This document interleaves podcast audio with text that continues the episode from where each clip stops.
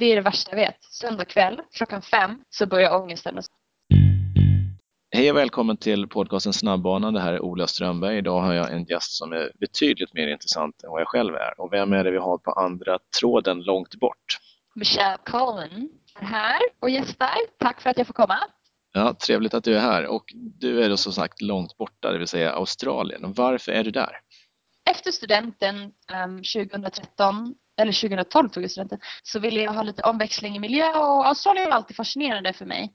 Och eh, det är väldigt vanligt att man backpackar Asien eller åker till Australien och reser och eh, men jag hade ganska bra framgångar på OS och hade haft en bra säsong så jag kände att jag ville liksom hålla kvar i simningen men ville ändå göra någonting annat. Så att, eh, jag bestämde mig för att jag skulle flytta till Australien i sex månader och, och pröva någonting. Eh, och då så eh, ville jag bo vid stranden visste jag men jag var liksom inte sådär jätte det var inte jätteviktigt vart egentligen men så hade jag en kompis som bodde på Gold Coast och så tänkte jag men varför inte? Jag pröva det. Och så kollade jag runt på lite olika klubbar och så hittade jag um, Dennis um, klubb då Miami. Och um, åkte dit och var där i fem månader och gick från, jag kom till Australien med 2.00 på 200 frisim och åkte därifrån med 1.57 och den sommaren gjorde jag 1.56 på VM i Barcelona och så tänkte jag men nu måste jag ju ha gjort någonting rätt i min träning ledandes in till det här. Så började det hela att jag eh, kände att träningen här nere den funkade för mig och det var skönt och kul att göra någonting annat och sen så har jag fortsatt lite så här hipp som happ. Men nu är det extra länge som jag är nere den här gången. Och vad är största skillnaden träningsmässigt och eh, ligga där förutom att solen skiner mer och att vara i Sverige och träna på NEC? Alltså för mig just då var det väl mer nivå på träningen. Jag kom från, alltså vi hade inte bra nivå i Täby där jag tränade då eh, tidigare. Just det här att ta det här extra steget, professionell nivå och den här gruppen hade flera som simmade, eller flera men vi var ett, ett Eh, flertal som simmade på heltid och Dennis är en av de bästa tränarna i världen skulle jag säga med historiska simmare såsom Grant Hackett bland annat. Och eh, det är lite mer av en distansgrupp det är ju inte den vanligaste 200 meters frisimsgruppen men de har, eh, de har en simmare som 14 var snabbast i världen på 200 frisim, Thomas Fraser Holmes. Så um, jag kände ändå att det var en grupp som hade mycket att erbjuda och en, en ny träningsmiljö, ehm, um, mycket arm, mycket, det vi gjorde, mycket pace. Det var liksom, jag vet inte, allting bara föll på plats. Det kändes, det kändes väldigt bra. Det var väldigt tufft. Alltså första, nu när jag kollar tillbaka så vet jag inte riktigt hur jag klarade av det i början. Men eh, det kände, ja men jag fick ju maxa liksom hela tiden. Det var, eh, jag, det, det, Dennis är väldigt mycket för eh, short rest. Det är liksom touch and go hela tiden. Det var arm på en 20 och jag bara, men du skojar utan paddla liksom bara dolme och band och jag bara, amen. Så det blev så här om det var 600 jag bara, men jag kör 600 och lägger mig längst bak i ledet. Men sen så kommer man, man kommer in i det liksom. Man, ehm, plötsligt fick man vila två sekunder och fem sekunder och sen så var man inne i starttiden. Hur ser en träningsvecka ut nu i, eh, om man säger december månad i Australien? Jag har precis tävlat nu i, ehm, i helgen så inför det så hade vi ungefär två till lättare och nu har vi eh, backat av lite, inte backat av men ändå eh, tagit det lite lugnare. Men vanligtvis innan det så var det väldigt tufft. Det var måndag morgon är allt samma sak det är alltid 300-ringar. Så man vaknar, det, det, är det värsta jag vet. Söndag kväll klockan fem så börjar ångesten och så vet man att imorgon bitti då kommer 300-ringarna och då ska det då ska det gå fort och det är liksom inte lätta 300-ringar utan det är alltid, det värsta som finns är 10 300-ringar 1 till 5 håll 5. Det är den absolut värsta serien han kan sätta upp. Men äm, de senaste veckorna så har vi äm, gjort ganska mycket ehm, äm, 300 där det har varit lite mera 4 300 1 4 4 200 1 4 400 1 4 två varv eller ibland ett varv om jag har haft riktigt tur. Men då förväntar han sig liksom att ja, jag som tjej jag simmar ju tillsammans med Lauren Boyle. Eh, hon är här också och hon är ju en fantastisk um, tränare. Jätteunderbar människa och fantastisk simmare men hon tränar som, ja du vet jag bara gapar varje pass i princip. Men, hur, snabbt, hur, snabbt, hur snabbt lägger du dem, om du har ett riktigt bra pass när du kör mm. 4 300, 200, 100 hur snabbt lägger du de snabbaste på? Om jag har ett bra pass på säg det fyra. Till exempel senaste gången jag gjorde det, då hade jag 3.17, 2.11 och 59 på min hundring. Lauren hon kör liksom, hon har varit nere på 3.13 och sen så är hon, eh, sen är hon ungefär samma på 200 och lite långsammare på hundringen. Men, lite gnetigare. eh, Ja, lite gnetigare precis. Men, eh, men grabbarna, då vill ju han liksom att det ska vara gärna under, det är ju dåligt om det inte är under 3.10. Väldigt dåligt. Och hur mycket, förutom simningen, hur kör ni någon dryland? Nej, alltså det är, eh, Dennis sa det, jag pratade med honom om det för eh, finns så länge sedan faktiskt. Som jag bara, men gör ni aldrig något så här gemensamt uppvärmningsprogram? Han bara, jag prövade det. Han bara, då klarar man inte ditt program. Jag bara, nej okej, jag förstår det. För att det, vi, vi, vi träffas kanske en halvtimme innan träningen i eh, så här clubhouse och så sitter vi och stretchar lite och, och tar det lugnt och sen så eh, ja, hoppar vi. Alla gör gym. Jag vet att grabbarna, de seniorgrabbarna, de kör gym tre gånger i veckan. Måndag, onsdag, fredag. Jag och Lauren kör gym två gånger i veckan, tisdag, torsdag. Och då gör man det liksom mellan passen, så det är fristående från simningen. Och om man tittar på annat runt omkring simningen med kost, nutrition och liknande, är det några, någon input på det? Eller sköter man sig själv? Australien har ju ett fantastiskt system. De har ju stater och varje stat har ett eget sportcentrum ska man säga. Och här i Queensland heter det QAS, uh, eh, Queensland Academy of Sports. Och de har alltså varje, vi har alltid kvalitetsträningar kan man säga. Måndag eftermiddag, onsdag eftermiddag, fredag eftermiddag. Och då kommer alltid in någon som um, tar våra laktat och gör alltid. Och sen så, jag tror det är en gång i månaden så kommer det in en och tar skin folds, vilket är som mäter muskelfettmassa. Sen så är det, har de, nu vet jag att de som är med i QS, de har sömnmonitorer på sina handleder som de ska ha nu i två veckor. Alltid, ja, det är ett helt system runt om som och det häftiga är att det här är inte bara simningen utan det är liksom staten så att det är för alla idrottare. Så de här människorna som jobbar med oss inom simningen de åker sen och hjälper friidrottare och gör allting inom alla idrottare. Så det är liksom ett samarbete mellan all elitidrott kan man säga till att bli bättre, vilket jag tycker är jättehäftigt. Och jag tycker vi saknar lite i Sverige att ha något sånt. Det är som RF fast ännu mer utvecklat om man säger så. Mm. Det är väldigt välutvecklat. Dagens julklappstips från Snabbbanan det är att skaffa ett abonnemang på Nextory. Du kan läsa och lyssna på hur mycket böcker du vill. 14 dagar helt gratis och sen en liten summa varje månad för hur många böcker du vill läsa eller lyssna på. Nextory.se, där signar du upp dig. Du satsar på OS. Eh, lagkappslagen är uttagna till OS. Hur snabbt mm. kommer du simma där? Uff, det är så svårt att säga. Um, alltså, jag är glad om jag simmar bättre än jag någonsin har gjort. Sen vad det är, det vet man aldrig. Jag har tagit väldigt stora steg liksom och förra året det var lite långsamt och det var inte sådär jättestora steg då men förhoppningsvis så, så klarar jag att hålla nerverna i schack under OS och liksom ändå klara av att prestera. För det är det där, det är var fjärde år liksom. Det gäller att, det är, det är svårt att inte sätta pressen samtidigt som man, man faktiskt måste ha den där. Har du några specifika, har du tidsmål eller har du Nej. prestationsmål eller placeringsmål? Nej, jag jobbar egentligen aldrig med tidsmål eh, på så sätt. Eh, förutom när jag blir tvingad till att göra det när, när de vill ha konkret liksom, utifrån SOK-förbundet. Eh, men annars när jag går in i en tävling så när det är en, en, en topptävling där man toppat och det är liksom säsongens viktigaste då vill jag bara, jag vill simma bättre än jag någonsin har gjort. För att mer än så kan jag inte göra. Toppningsmässigt, hur mycket skiljer det sig? Gör du exakt samma sak varje år eller experimenterar du någonting? Alltså toppning, jag har varit rätt, jag har varit rätt lugn med toppning. Jag menar alltså toppningen och tävlingen, det är det roliga. Det hårda arbetet som faktiskt spelar roll, det är ju det man gör resten av året. Så att jag har varit rätt lugn med hur toppningen har gått till. Och det jag har lämnat den upp till Andrei um, ehm, som är ansvarig för mig för en, på NEC.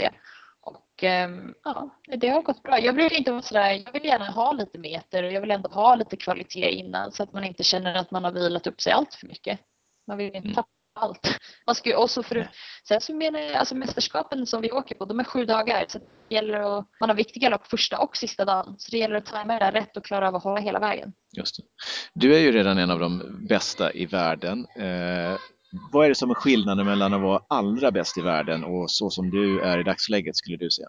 Det är, det är så svårt att säga. Jag brukar fundera på det där också. Hur blir jag? Hur, hur kommer jag? Hur ska jag kunna bli den där världsmästaren? Liksom? Um, men det är som Dennis, Dennis säger många gånger till oss, att bli bättre. Alltså jag menar, du blir så bra som du tränar. Tränar du inte bra, du kommer inte prestera bra. Um, så det gäller ju bara att se till att optimera träningen och, men också lyckas att ha det där psykiska, att klara av att vara, att ha huvudet plats när det väl gäller, det är också en konst som jag tror. Men det, det jag märker är att de som är i världseliten nu, många av dem har ju liksom varit väldigt bra väldigt länge. Alltså det är inte många som, det, det händer att det är folk som ploppar upp men om man kollar så är det många som ändå har varit med och simmat väldigt bra länge. Så det, jag tror det bara handlar om för mig att, att ligga och träna på den här höga nivån ett bra tag och tävla på den här nivån också framförallt. Och vad är din styrka som simmare och din svaghet jämfört med andra simmare? Jag skulle nog säga att min teknik skulle nog vara min styrka och min svaghet skulle nog vara min svaghet. Alltså att jag inte är tillräckligt stark. Som liten, jag var aldrig liksom, jag kunde aldrig göra armhävningar, aldrig stå på händer. Aldrig, alltså, jag var aldrig liksom den här äh, jätteduktiga dryland-simmaren. Äh, det är någonting som jag märkt nu i efterhand att wow vilken, vilken stor del det gör för att kunna lyfta mig själv i vattnet. Även om man väger mycket mindre i vatten än vad man gör på land så, så äh, känner jag ändå att det, det är där jag måste jobba väldigt mycket. Och eh, som du nämnde att det är många som har varit med i världseliten länge vilket innebär att man måste hålla på länge med simning och då behöver man mm. pengar. Kan man bli rik ja. på simning? alltså jag skulle säga till den som liksom skulle vilja bli rik så du är på fel bana om du på med simning.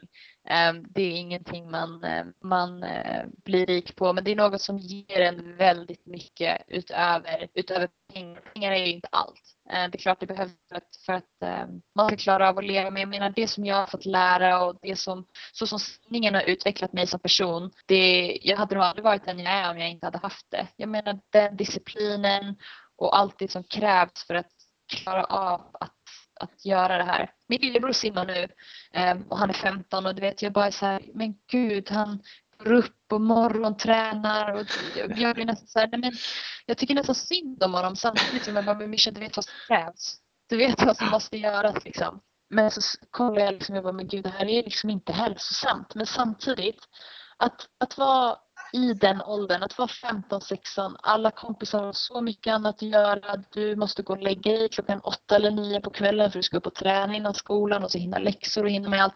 Alltså du vet, det, jag sa förut att, det, att, att man offrar saker och så pratade jag med Hans och han sa Mischa, offra är fel ordval, du offrar ingenting, du väljer att prioritera.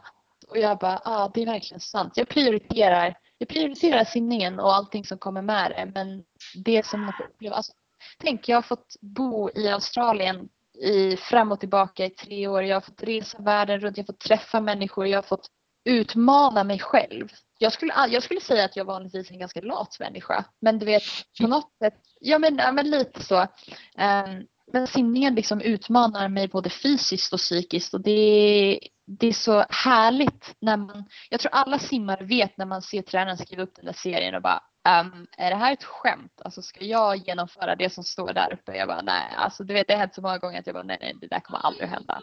Och sen så klarar man det och känslan efteråt när man har klarat av någonting som man trodde var omöjligt det, det går ju liksom inte att få från, det är ingen adrenalin-rush egentligen utan det bara, ja, jag vet inte, det, det ger så mycket mer.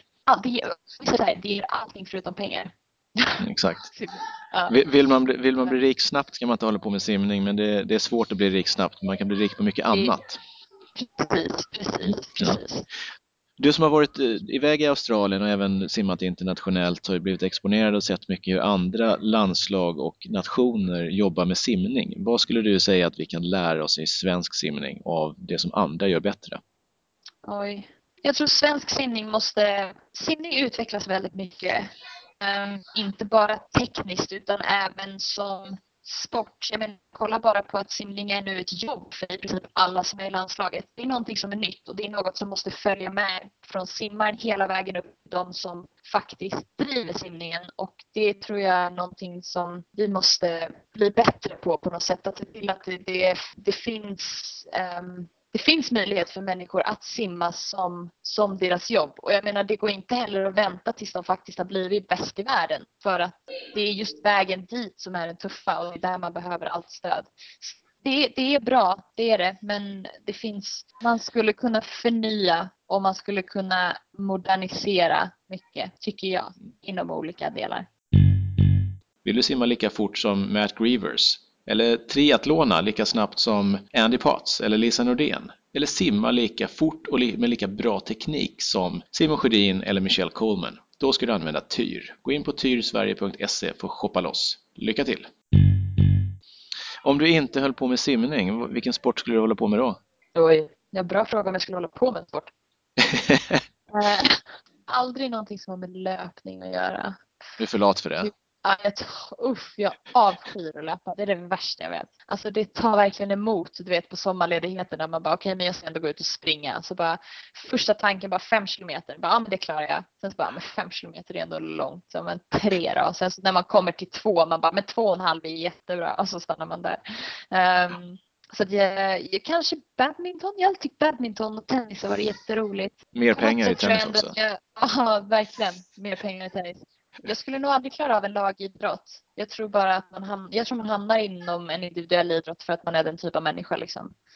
Um, simning passar så bra för man får träna alla tillsammans men samtidigt så får man ändå det här individuella. Sen så får man ju också den här lagkänslan i lagkapper och så.